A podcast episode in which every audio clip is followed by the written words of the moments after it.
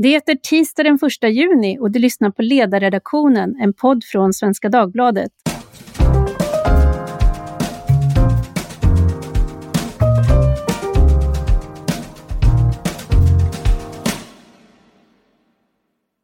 Jag heter Tove Livendal och idag ska vi uppdatera oss i jakten på ny kunskap när det gäller corona. Vad har vi lärt oss? Vad får det för betydelse för hur vi ska tänka och agera framåt? Och vad är angeläget att ta reda på ytterligare? För att diskutera detta har jag bjudit in tre kvalificerade gäster. Det är Jonas Björk som är professor i epidemiologi vid Lunds universitet. Det är Tove Fall, professor i molekylär epidemiologi vid Uppsala universitet. Och sen är jag forskare i Covid Symptom Study i Sverige. Och det är Staffan Normark, professor i molekylär mikrobiologi och smittskydd vid Karolinska institutet och Smittskyddsinstitutet och också ordförande i KVAs expertgrupp om covid-19. Varmt välkomna alla tre. Tack. Tack så mycket.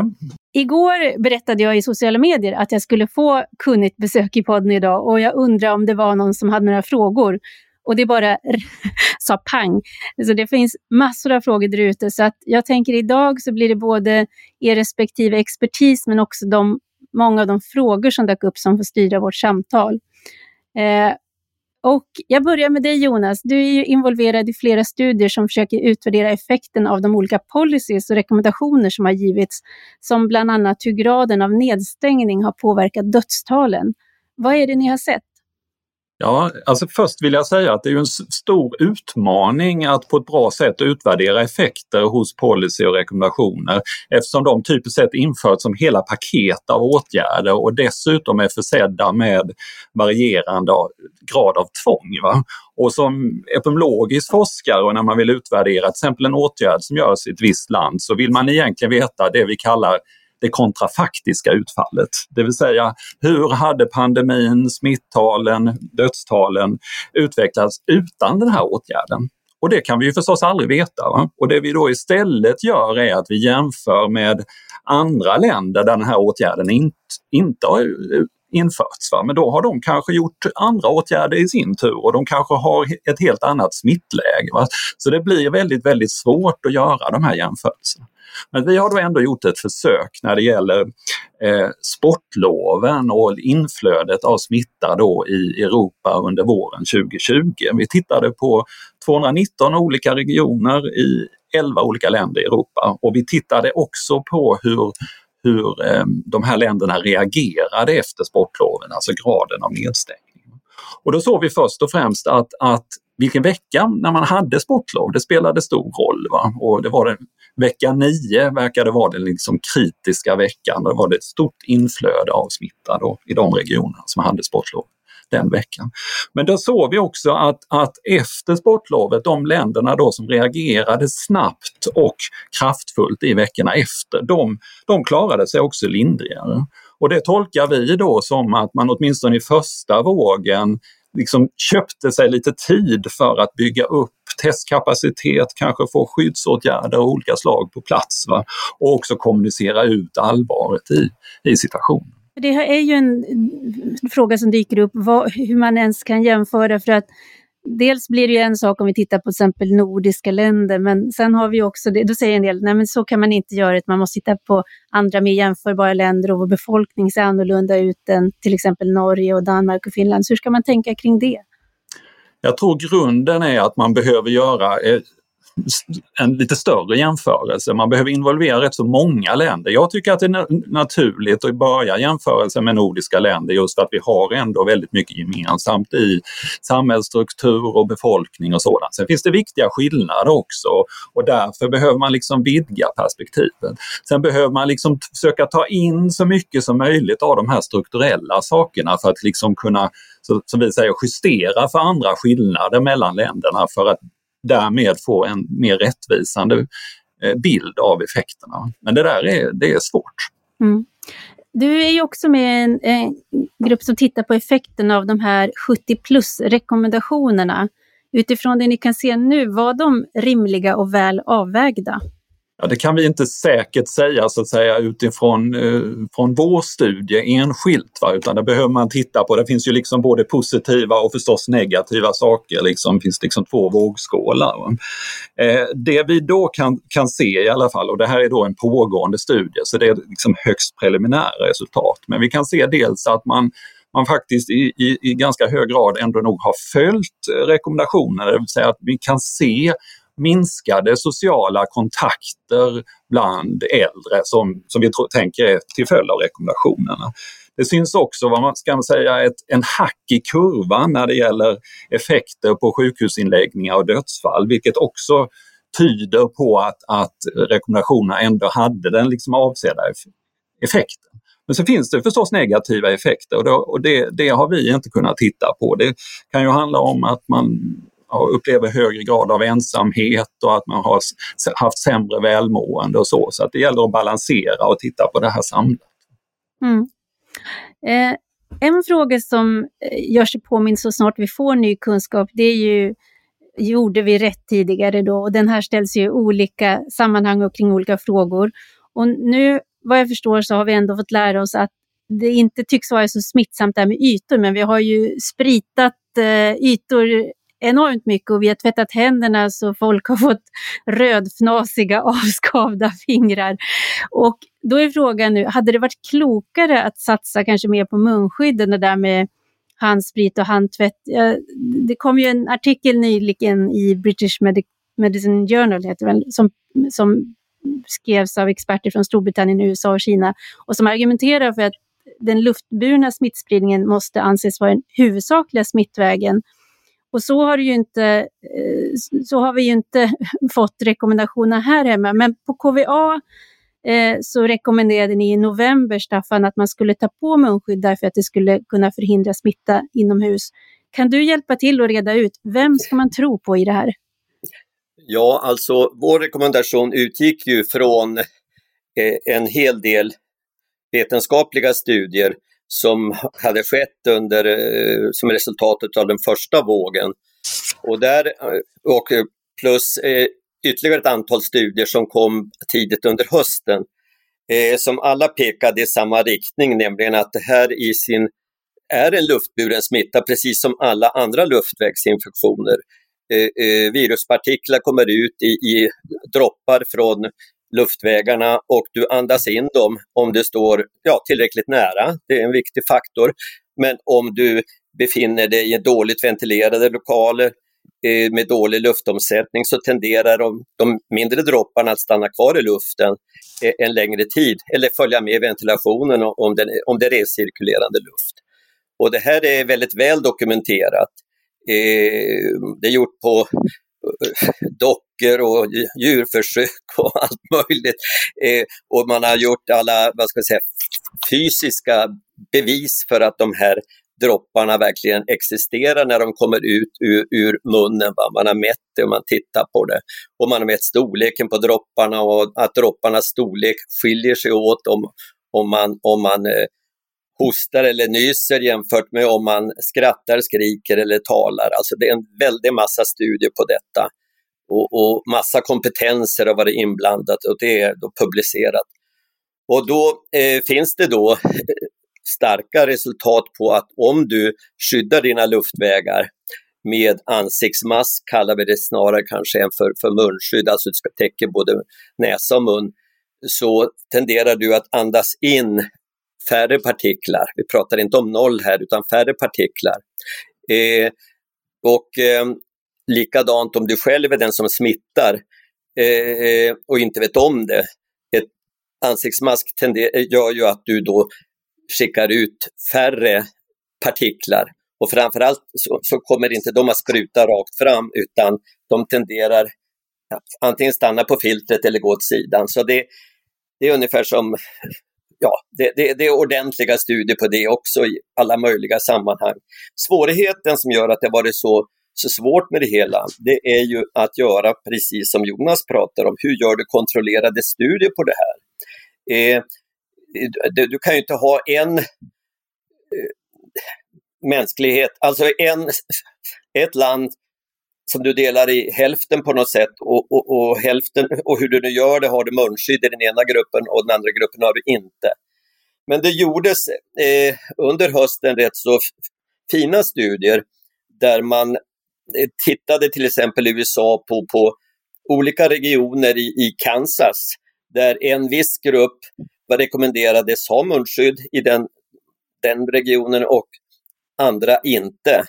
Och så jämförde man då utfallet utav covid-19 eh, under den här perioden efteråt och då fann man att den, de regioner som hade munskydd, ja där sjönk smittotalen eh, och medan eh, eh, eh de som inte rekommenderade det, då, då, då ökade det. Eh, och det här var en ganska signifikant skillnad. Sen dök det upp flera andra studier, man gjorde det i Tyskland, motsvarande studier Ingen är riktigt optimal, men det publicerades i, i, i bra tidskrifter och det har gjorts också ytterligare sådana studier. Så det finns det... Det, ja, och så sen slutligen tänkte jag säga, det finns en massa studier, mera fallstudier där man tittar på speciella situationer då, ett, ett, ett utbrott till exempel i någon inomhusmiljö. Eh, det kom från Thailand och, och där, där de tittade på vilka fick mer smitta i den här gruppen? Det var någon boxningsmatch det var frågan om. Och då visade det sig att det fanns en korrelation mellan de som använde munskydd och också ägnade, mindre, eh, eh, ägnade sig mer åt social distansering och så vidare. De, de tenderade att få mindre smitta. Så det finns en massa sånt. Mm. Men om man skulle tänka sig en sån där eh, där kontrafaktisk historieskrivning. Om vi hade tidigt gått ut och rekommenderat en allmän användning av munskydd, liksom, hade, kunde det ha haft en positiv effekt, tror du, för Sveriges del? Absolut, det är jag övertygad om. Mm. Eh, man har gjort olika beräkningar på det där, eh, men det är bara modeller. Men, men det har man ju tagit fasta på i till exempel USA, att man säger att, att smittspridningen, i, de modeller man har i USA säger man då att allmänt bruk av munskydd skulle minska smittspridningen med 30% eller mer. Det, det, är ungefär det som framkommer där. Eh, det är en stor eh, prognostisk databas som beräknar det där. Eh, det kan man säkert ha synpunkter på, men eh, det blir väldigt stora skillnader om du har ett smittotal där, du smittar, där en person smittar mer än i genomsnitt en, en person. Då, då ökar ju smittspridningen. Om du i en sån miljö har allmänt bruk av munskydd, så då, går du, då tenderar du att kanske att den där individen som är smittad bara smittar en mindre än en person och då sjunker smittalen. Just det, det här berömda R-talet som vi har ja, fått R-talet är väldigt viktigt. För det är självklart om du har total smittspridning, eh, då räcker det inte bara munskydd heller. Eh, men eh, det finns alltså väldigt mycket data och det är bara det att de här kontroll, de, de här stora metastudierna kommer aldrig att göras någonsin. Och, men om du tänker efter så gjorde man aldrig det heller när det gäller om, värdet att ha bilbälten eller inte. Man gjorde inte två kontrollerade grupper och testade eh, i, i trafik. Hur gick det för de som inte hade bilbälte i relation till de som hade? Va? Sådana studier har ju aldrig gjorts heller, eller fallskärmshoppning för den delen med eller utan fallskärm. Jag menar, man, har inte, man kan inte göra sådana studier. Det är dit jag vill komma. Det. Eh, det. är oerhört svårt. Och, och, det finns ett sådant försök på gång i Afrika tror jag. Jag undrar om det någonsin kommer att publiceras, där man ska dela ut stor mängd munskydd till eh, en grupp i Guinea-Bissau och den andra gruppen ska inte ha och så ska man jämföra. Vi får se om det blir en resultat av detta, jag vet inte. Nej. Eh, Tove, jag har ju, eh, vi har ju haft dig som gäst flera gånger och jag tycker det har varit ett återkommande budskap från dig, nämligen testa och spåra. Och ifall det finns smitta, isolera. Eh, så det, det tycker jag har, det har varit ett genomgående budskap. Och en fråga som har varit uppe tidigare i podden och som vi också skrivit om är ju det här med smittskyddslagen. Eh, hur, hur tänker du kring det? Har vi, har vi följt den eller har vi brustit i efterlevnaden av den? Mm, I smittskyddslagen så står ju att eh, man ska smittspåra de här sjukdomarna då, som klassas som allmänfarliga eller samhällsfarliga. Eh, och då ska ju den behandlande läkaren göra det här eh, och ta reda på hur man har blivit smittad och vem man kan ha smittat med. Då. Och stora delar av det här görs ju i Sverige. Det varierar kraftigt mellan regioner ska man säga. Eh, en del har en ganska ambitiös eh, strategi med smittspårning medan andra använder de här webbenkäterna på 1177 i hög utsträckning. Och det är klart, med en sån enkät kan man ju säga då att man, man efterfrågar den här informationen, men sen hur pass effektiv den smittspårningen är, eh, det är inte utvärderat. Och det är någonting som jag tycker borde ha gjorts eh, i samband med att man samlar in de här. Och det kan ju vara så till exempel att eh, när man pratar med smittspårare att det gäller att bygga förtroende eh, med den man talar med. Man märker att man startar kanske med den här webbenkäten eh, och i telefonsamtalet och sen börjar man ställa följdfrågor och då får man fram mycket mer information. Och det kan ju vara saker som eh, patienten har missuppfattat och så. Sen är det så att vi lägger ner, vi har ju en underdimensionerad smittspårning och lägger ner mycket mindre tid jämfört med andra nordiska länder till exempel, då, som, där man faktiskt tar kontakt med alla de här identifierade kontakterna och, och kanske gör en mer eh, ambitiös bakåtspårning också då, så man försöker ta reda på var personerna är smittade. Så rent juridiskt i alla fall under hösten och vintern så kanske det håller. Jag är inte rätt person att bedöma det, men jag tror ändå att vi har ju väldigt lite uppföljning också. Vi vet ju inte. I många andra länder gör man statistik. Man ser hur snabbt går det att göra den här smittspårningen? För det gäller att vara snabb, kanske inom fyra dagar. Hur, hur, ofta når vi målet? Hur många får vi tag på och så vidare? Och var är de smittade? Och det är någonting man har jobbat mycket med i Region Uppsala också i samarbete med vårt forskningsprojekt. Och där har man ju dragit väldigt stora lärdomar av var smittas man? Jo, men det är ofta i ens egen lilla område eller närliggande. Eh, vilka situationer och så vidare. Och eh, också var finns de här flaskhalsarna? Var, först kanske det tog sex dagar från hela kedjan från personen fick symptom till att den är klarspårad. Nu har man fått ner det till 3,7 dagar och det är klart att då hinner man ju bryta fler smittkedjor för det gäller att bryta innan nästa person hinner smitta vidare. Just. Så att jag tror att där finns det jätte, jättemycket vi skulle kunna förbättra och också systematisera och bygga bra datasystem för och kanske lägga till en sån här smittspårningsapp. Eh, för det är många, man hör både från Norge och Island och Finland att de eh, tror att det är det som har gett dem stor framgång är att de har varit så ambitiösa i sin smittspårning. Och sen också vad man gör när man faktiskt är identifierad som eh, misstänkt smittad. Det var ju först i oktober som vi införde den här hushållskarantänen, så alltså innan dess så skulle man ju gå till jobbet. Och jag fick ett ganska uppfordrande brev från Uppsala kommun att minsann, även om man hade bekräftad covid skulle ens barn gå till skolan så länge de inte hade symptom. Eh, och det här var ju först då tio eller ja, åtta månader in i pandemin som det ändrades. Eh, så att jag tror nog att eh, vi kanske inte la så stor vikt vid det från början som vi borde. Får jag komma in här och, och, och iterera vad du säger? att, att det var en av de stora eh, eh, vinsterna som man drog i Sydostasien, alltså väldigt, till exempel i Singapore, väldigt tidig kontaktspårning och att man identifierar alla kontakter oavsett om de hade symptom eller inte. Och det visade sig då i, i den, att de kunde identifiera 50% av alla smittade fall, som, kontaktfall som de fick tag på, som var alltså positiva för PCR, de hade inga symptom.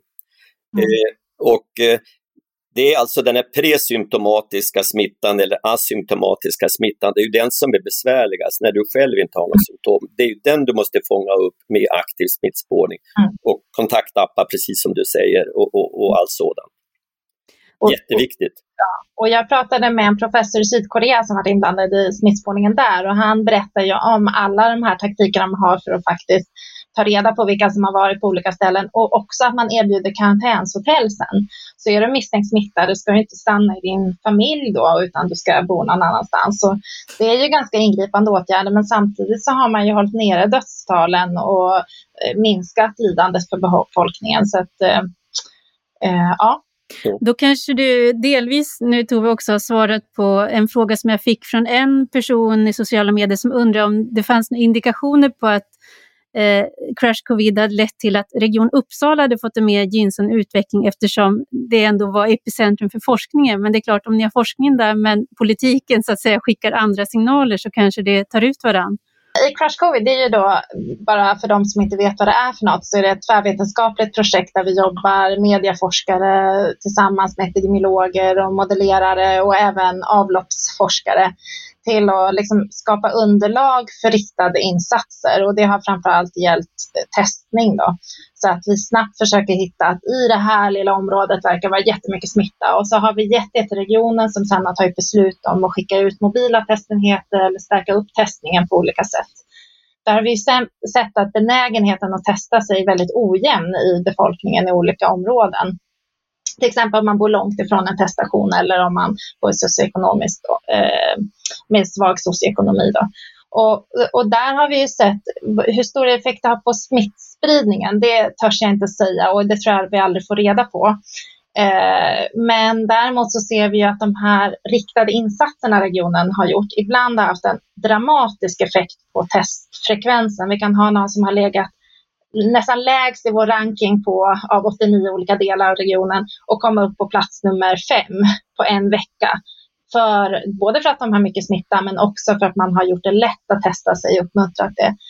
Eh, och vi har också fått otroligt mycket positiv feedback från Länsstyrelsen, regionen, kommunerna för att de får en detaljerad rapport varje vecka på all den data som vi sammanställer. Och det som jag tror har varit nästan största vinsten det är att vi har liksom lärt känna varandra. Både de som jobbar med det operativa på regionen, med oss akademiker som sitter och har våra idéer och influenser utifrån. Så för mig som forskare så gör ju det att jag jobbar med de frågorna som faktiskt är viktiga. Och på regionen har man kunnat få in våran kompetens och underlag. Så det här ska bli jättespännande framöver och har varit en av de positiva sakerna för mig i alla fall under pandemin att få jobba med viktiga frågor och tillsammans i de här eh, stora samarbetena. Just det, och se resultat då direkt när det kommer ut mobila team och då får ja, upp precis. Annars ja. kan det vara när man forskar i mina andra projekt då, när jag jobbar med diabetes via kärlsjukdom, då kan det ju vara fem år från idé till publikation. Mm. Medan här kan det vara så att vi säger, ja men titta det här område A, liksom, och sen så tjoff så kommer det ut en, en eh, strategisk åtgärd där och så ser man faktiskt att det händer saker mm. inom ett par veckor.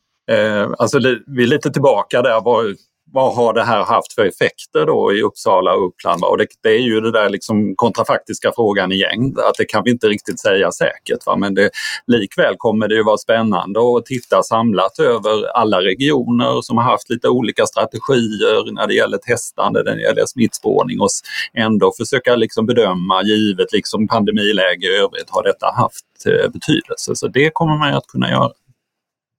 En, en, eh, ett frågekluster kan man säga som har dykt upp eh, och det är eh, aktualiserat av många skäl, men det handlar ju om barn och ungdomars delaktighet i pandemin. Eh, också nu såg jag frågan om vaccination är uppe. Tove, vad vet vi om, om det? Faktiskt, så för bara en timme sedan så kom Europeiska smittskyddsmyndigheten ut med ett nytt kunskapsunderlag kring tonåringar inför eh, att olika länder ska ta beslut kring vaccination då av eh, åldrarna 12 uppåt eller 16 uppåt och så vidare.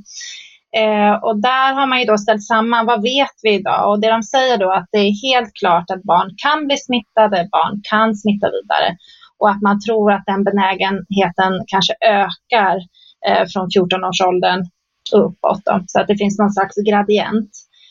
Eh, sen är det här hur mycket smittar de, hur mycket bidrar de till samhällets smittspridning? Det varierar ju såklart. Är skolorna stängda, är skolorna öppna? Har vi vaccinerat de äldre så de är inte mottagliga? Så där går liksom resultaten lite mer isär. Det vi kan se i Uppsala har vi tittat väldigt noga på de olika åldrarna och där ser vi just att åldern 13 till 19 ofta sticker ut. Att de liksom ligger högre i andel positiva, att de testar sig mycket och allting. Men både att de sticker ut i antal fall och andel positiva av testerna.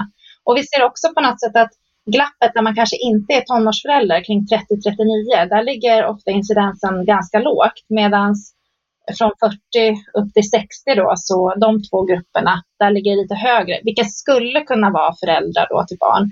Men det har vi ju inte någon kausal, det är en korrelation.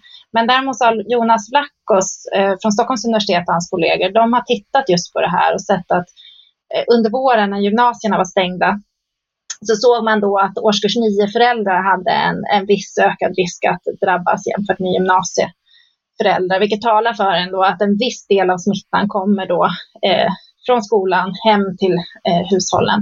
Men att kvantifiera det är jätte, jättesvårt. Då. Det ICDC skriver också är att de tror att betydelsen av skolsmitta och tonårssmitta att det kan öka i höst eh, eftersom resten av befolkningen kanske har ett skydd då från vaccinationerna. Så allt det här är liksom vilken kontext tittar man i? Är det när allt är öppet eller är det när något är stängt och så vidare? Mm. Jag, jag, tycker att du har alldeles rätt där Tove och det är en annan sak som jag då personligen uh, oroar mig för det är ju mm, att det kan ha dykt upp de mera smittsamma varianter. Och vi har ju nu den brittiska varianten som dominerar i Sverige. Uh, och man ser då att, att det verkar ju vara yngre grupper som lättare smittas. Och, och, och den här indiska varianten som är ännu mer smittsam uppenbarligen än den brittiska, den har de första utbrotten i England har man kunnat spåra till ungdomar alltså yngre. Eh, och det är klart att det är precis då, det är ju den stora oron som, som jag har i varje fall, det är ju då när man kommer till hösten nu då vi har vaccinerat ner smittan eh, men vi har fortfarande rätt mycket av de här mera högsmittande varianterna eh, inklusive den indiska antar jag vi kommer att ha. Eh, och vad händer då i, i de här ungdomsgrupperna? Eh, jag är ju mm. själv då eh, positiv till tanken att, att vi ska vaccinera från 12 års ålder, jag tror det är viktigt. Eh, eh, jag tror det är väldigt centralt helt enkelt. Och Det man också kan tänka på där det är att även om barn och ungdomar då har en betydligt lägre risk att bli allvarligt sjuka, så dels så eh, kan de ju bidra till smittspridningen och smitta till sina föräldrar, även om man har ett gott skydd som vaccinerad. Men också, det tar även Europeiska smittskyddsmyndigheten upp det här med long covid, mm. att det kan även drabba den åldersgruppen och får man en väldigt utbredd smitta, även om det är en liten andel som får det, så kan det, det bli eh, ett stort problem. Ja, för det är ju också en fråga, fråga som finns här kring det här med långtidscovid och eh, hur vi ska se på det. Eh, och då är ju dels den fråga om uppskattningen om den vårdskuld som har kommit när det gäller long covid eh, och sen också en fråga varför inte den här varför inte den risken då lyfts tydligare. Eh, jag vet inte vad ni tänker kring det.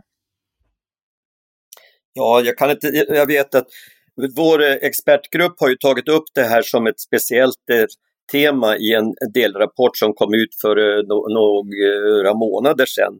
Just därför att vi tycker det är väldigt viktigt att lyfta fram de här eh, och också att ta fram vad, vad finns det för vetenskap som tyder på att, att det här är inte en sjukdom som bara är, är någonting som folk får mellan öronen och, och det här är inte oral galvanism eller, eller eh, eh, eh vad heter det, elallergi eller vad det nu är man kopplar det till, utan det här är någonting reellt. Eh, de exakta mekanismerna varför man får de här symptomen, det, det, det, vet vi ju inte, men vi vet till exempel att man, man, när man tappar lukt och smak, det är ett väldigt vanligt symptom till exempel, så har man nyligen visat då att just de här äh, cellerna som eh, behövs för lukt och smak som du har i näsan, de infekteras lätt utav SARS-CoV-2 därför de binder rätt bra till de här cellerna. Eh, och så vidare. Vi vet inte om de här virusen kan gå upp i hjärnan men det, det förutsätter jag att de kan göra. Och det är klart, vad händer då om du får en, eh, eh, att de infekterar celler i hjärnan och, och, och, och, och gör vad de... Virus gör inte så mycket annat än att de kommer in i celler, förökar sig och cellen dör oftast i samband med det. Mm. Eh, sen har du en massa immunsaker som händer också. Men jag menar, jag, jag, jag, tycker det är inte alls ovanligt med andra typer av infektionssjukdomar eh, som, som, som ger sådana här postinfektiösa tillstånd. Det är väldigt vanligt, alltså det är bara det att här är första gången vi har en sjukdom som är så himla vanlig i de här åldersgrupperna. Jag kan lägga till det, jag tror det är viktigt, lite som du också var inne på Tove tidigare, med att, att lyfta det här när det gäller vaccinationsviljan, att det handlar inte bara om liksom, eh, risk för död och risk för liksom, svår sjukdom kortsiktigt, utan det kan också handla om att risk för långvarig sjukdom va? och lång, långvariga men. Va? Och det då också då kan krypa ner i åldrarna, det ena. Och det andra, sen, sen tycker jag det är väldigt glädjande att Vetenskapsrådet nu satsar ju nu, eh, kommer ju nyligen men kom, kommer nu snart med en utlysning kring forskning just kring långtidscovid. Så vi kommer ju kunna följa de här effekterna med olika typer av, av studier. Så det, ty det tycker jag är väldigt lovvärt att man, man ser, ser det problemet. Och, mm. Och, och jag kan ju säga, jag tycker att om vi ska se på det här liksom ett vetenskapligt tillvägagångssätt, det är ju att vara öppen med att veta att det här är ju ett, ett nytt fenomen, åtminstone med just det här viruset. Eh, vi måste samla in information, vi måste lyssna på patienterna och sen försöka ta reda på vad är det som eh, har hänt, vad är det för biologiska mekanismer, hur kan man behandla det här. Men om vi stänger ute patienterna, då blir det väldigt svårt. Så därför är det viktigt att vi har bra mottagningar som är nära kopplat till forskning och där man samlar in prover och jobbar tvärvetenskapligt kring det här. För då kommer vi lära oss mer. Sen kommer det ju väldigt mycket studier nu runt om i världen som visar på samma huvudfenomen så att säga. Eh, vi har ju gjort en uppföljning i Covid Symptom Study där vi har kunnat följa personerna prospektivt, alltså att vi har Eh, de har inte vetat om när de började logga sina symptom och sina tester att de skulle bli en long covid-patient så att säga. Så att det är ett väldigt eh, bra sätt att samla data så att man inte störs av att man har minst dåligt. Så att säga. Och där ser vi precis som i Storbritannien eh, och andra länder att trötthet, huvudvärk, problem med andningsvägarna, problem med just lukt och smak som vi hörde Staffan nämna är, är vanliga symptom och, och, också att de är funktionsnedsättande så att det är, är många som inte klarar av att utföra sitt vanliga jobb. Mm. Och sen finns det en lång rad andra symptom mag-tarmkanalen och hjärtklappning och sådär. Men det är verkligen ett område där vi behöver lära oss mer och vara ödmjuka och också eh, inte avfärda. Sen självklart kan det vara en del av de här patienterna som kanske inte har fått sina symptom av eh, just covid-19, men det måste vi ju, vi kan inte avfärda alla för det. Mm. Absolut inte. Om vi ska ta och blicka lite framåt då, för det är ju många som eh, tänker på det framåt, just då undrar när livet ska bli, ja, kanske inte normalt. Det finns väl ingen som säger det, att det ska bli exakt som tidigare, men ändå mer normalt än vad det är nu. Och också givet då funderingarna kring de mutationer som förekommer. Eh, Jonas, ni har gjort en första utvärdering av vaccineffekter bland personer i arbetsför ålder, primärt vårdpersonal i Skåne, men ni tittar också på geografiska och sociodemografiska skillnader. Vad är det ni tittar efter och vad är det ni kan se? Ja, alltså vi, vi kommer ju nu att följa vaccinationseffekterna, både egentligen vaccinationsviljan eh, och vaccinationseffekterna och eventuella biverkningar i, i befolkningen i Skåne på kort sikt och på lång sikt, hur blir det så att säga risken att bli smittad på nytt, risken att få bli svårt sjuk i covid-19. Anledningen till att vi gör det i regionen är att det är ett, så att säga, ett lättare sätt att, att få, till, få data, tillgång till data snabbt, att kunna göra det här i realtid och, och göra löpande eh, utvärderingar. Och det vi gör just nu är att vi tittar på mm, vaccinationsviljan och, och där har vi tittat specifikt nu på de äldre eftersom vi är i det läget att i princip alla 70 plus har fått så att säga, ett erbjudande om åtminstone en första dos. Va? Och där är det ju då väldigt glädjande att tittar man eh, sammantaget så är det närmare sig 90% av alla som, som i våra data då som har fått åtminstone första dosen. Men vi ser också rätt så stora skillnader i olika grupper i, i befolkningen. Eh, precis som Folkhälsomyndigheten också rapporterat så ser vi en lägre vaccinationsbenägenhet bland personer som är födda utanför de nordiska länderna. Och det är särskilt tydligt i socioekonomiskt utsatta områden.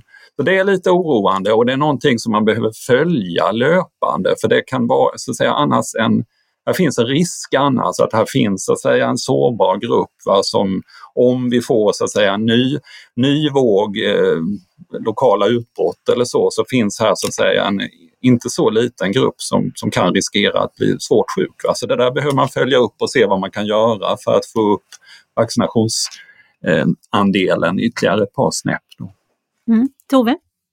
Nej, jag tänkte säga att där finns faktiskt, eh, där kommer vi kunna göra bra forskning, tänker jag, för att det skiljer sig åt också hur man har eh, bjudit in till de här olika, till vaccinationer i olika regioner och det här är ju Uppsala ligger ju i topp, alltså där det är ju över 90 procent för 60 plus som har gått och vaccinerat sig. Där har man använt ett brev, ett personligt brev till alla med en bokad tid. Och där kommer man nu frångå det från 50 år och neråt, så där ska vi också utvärdera vad händer då. Och där, vår hypotes är ju att det kommer gå bra för dem som eh, är vana och är framme och välutbildade, men vi tror att det kommer kunna bli större, se mer av de här skillnaderna som eh, ni ser, Jonas, i Skåne.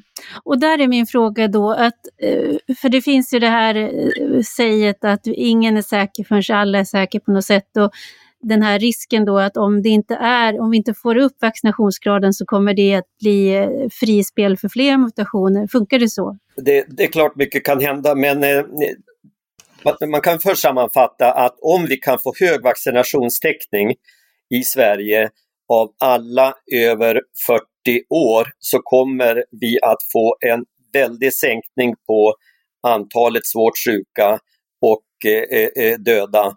Eh, och det är ju den första målsättningen nu, tycker jag personligen, då att vi ska försöka komma upp till en vaccinationstäckning över, och vi pratar då också om att de här nya varianterna, eh, den brittiska som vi har och den indiska, två doser utav vaccinet verkar ge ett fullgott skydd. Så det är väldigt god motivering till att ha så hög vaccinationstäckning som möjligt. Och två doser gäller.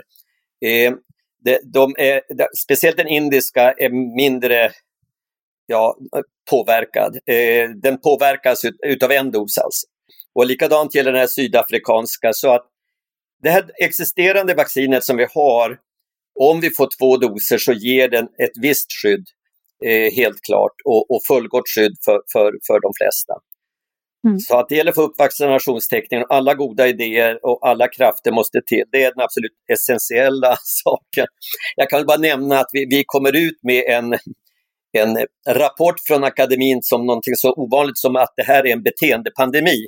Och då tar vi upp lite grann precis det här Uppsala och, och, och den typen av studier att, att, att det gäller att, att stimulera till att öka vaccinationsintresset i olika marginella grupper framför allt superviktigt.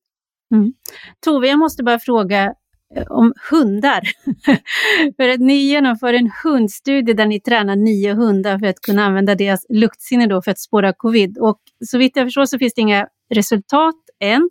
Men om det här skulle vara framgångsrikt, att man kan träna dem till det, hur kan man sen då använda den förmågan? Mm. De här ska ju spåra då dofterna man avger när man är eh, infekterad. Så att vi samlar in tusentals små eh, doftlappar nu från nacken och pannan på personer som PCR-testar sig med, som har symptom. Då. Och jag har varit ute och tittat på hundarna. Det är två eh, hundtränarföretag som kör den här eh, träningen och de är så duktiga. Men vi ska göra ett blindtest för att se då vad de har för känslighet och specificitet Eh, och det beror ju lite på där. Om, eh, det vi gärna ser det är ju att de ska fånga upp allt och sen om de fångar upp lite för många så kan det vara okej okay, för att då kan man komplettera dem då som de fångar upp med ett PCR-test till exempel. Så det beror lite på hur väl de fungerar för vilka syften man kan använda dem. Men det man, man tänker mycket på det är ju när man till exempel ska ha stora evenemang.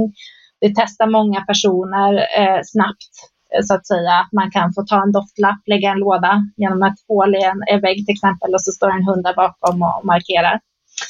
Eh, flygplatser och så vidare. Och också finns det jättestort intresse från både WHO och olika delar av världen där man har begränsat med labbkapacitet och så för att de här kan ju skanna av flera hundra prover per dag. Eh, så att det kan vara eh, en resurs där.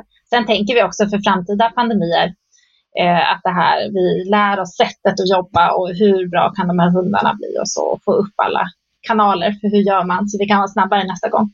Det blir kanske verkligen äh, människans bästa vän, blir mänsklighetens kanske bästa ja, vän. på många sätt. ja. Staffan, eh, den här expertgruppen som du är ordförande för hos KVA, eh, när jag tittar på uppdraget så är det gigantiskt. Det är kunskapsluckor om viruset, det är kunskapslägen eller smittskydd, vaccination och behandling, det är lärdomar om eh, smittskydd och läkemedel och vaccinutveckling, men också dialogen då mellan olika sfärer i samhället. Och det är gigantiskt. Vad tror du är det viktigaste som er grupp kan tillföra kunskapsmässigt som regeringens tillsatta coronakommission inte kommer att utreda? Ja, det vi försöker göra är ju nu då att komma ut med det vi tycker är angeläget i form utav, för den här aktuella pandemin, alltså de här delrapporterna. Vi kommer att ge ut fem delrapporter, alltså den luftburen smitta, frågan om covid, frågan om vaccinerna eh, och frågan om, om eh, eh beteende. Eh, vi tycker det är viktiga saker. Eh, sen så kommer vi i slutrapporten eh, som vi ska hålla på att författa då, ja då ska vi försöka sammanfatta det hela. Det här är ju inte någon genomgång, det finns av, av vad vi vet och inte visste, men, men huvudsakligen ska vi sammanfatta den här pandemin, hur den har hanterats i världen.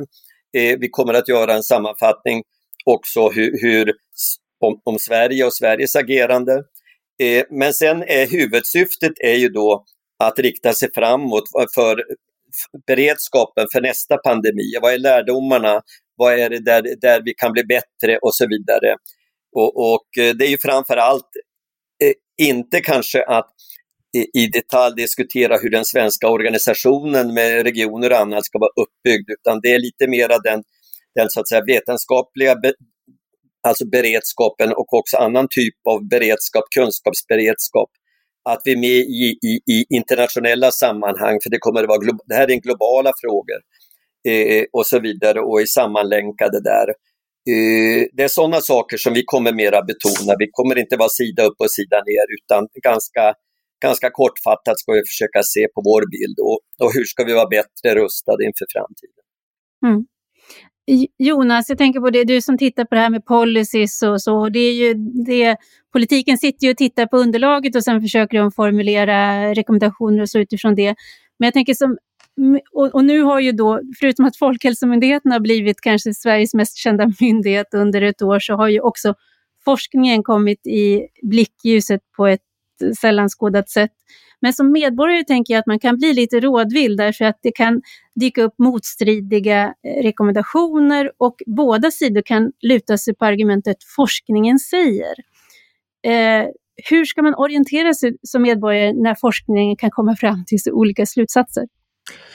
jag förstår att det där kan upplevas som konstigt. Man kanske vill ha liksom de där lite svartvita svaren. Va? Men det är nog lite grann välkommen till forskningens värld. Va? Att detta är så att säga lite vardag, att det är så, så det går till inom forskning. Att man har så att säga vetenskapliga diskussioner och det är argument och det är motargument. Så det är i sig inget konstigt att det blir så. Va? Det som väl varit olyckligt i debatten är att det ibland har blivit liksom lite mer kanske tyckande än liksom sak sakliga argument, men det är liksom lite en annan sak. Va? Och hur, hur kan det vara? Och det, det här är ytterst någonting som ju driver forskningen framåt. Va? Att man, man prövar en tes, man prövar ett argument, man får mothugg va? och andra studier som säger något annat och så väger man ihop det kanske till en delvis re, reviderad kunskapsläge eller så. Va?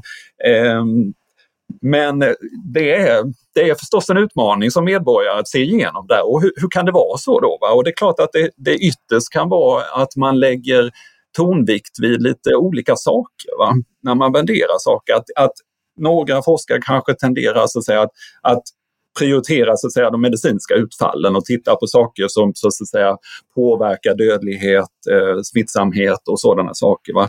Andra forskare kanske lägger mer tonvikt på sekundäreffekter. Vad har det här för mer breda effekter på på samhället i stort med nedstängningar på ekonomin, eh, folks eh, sysselsättning, eh, mental ohälsa hos barn som inte får gå i skolan kanske och sådana saker. Så, så där tror jag är en viktig anledning till att man, man ändå landar med forskning i ryggen kan landa med lite olika slutsatser beroende på hur vi ytterst så säga, prioriterar mellan och, och värderar de här sakerna.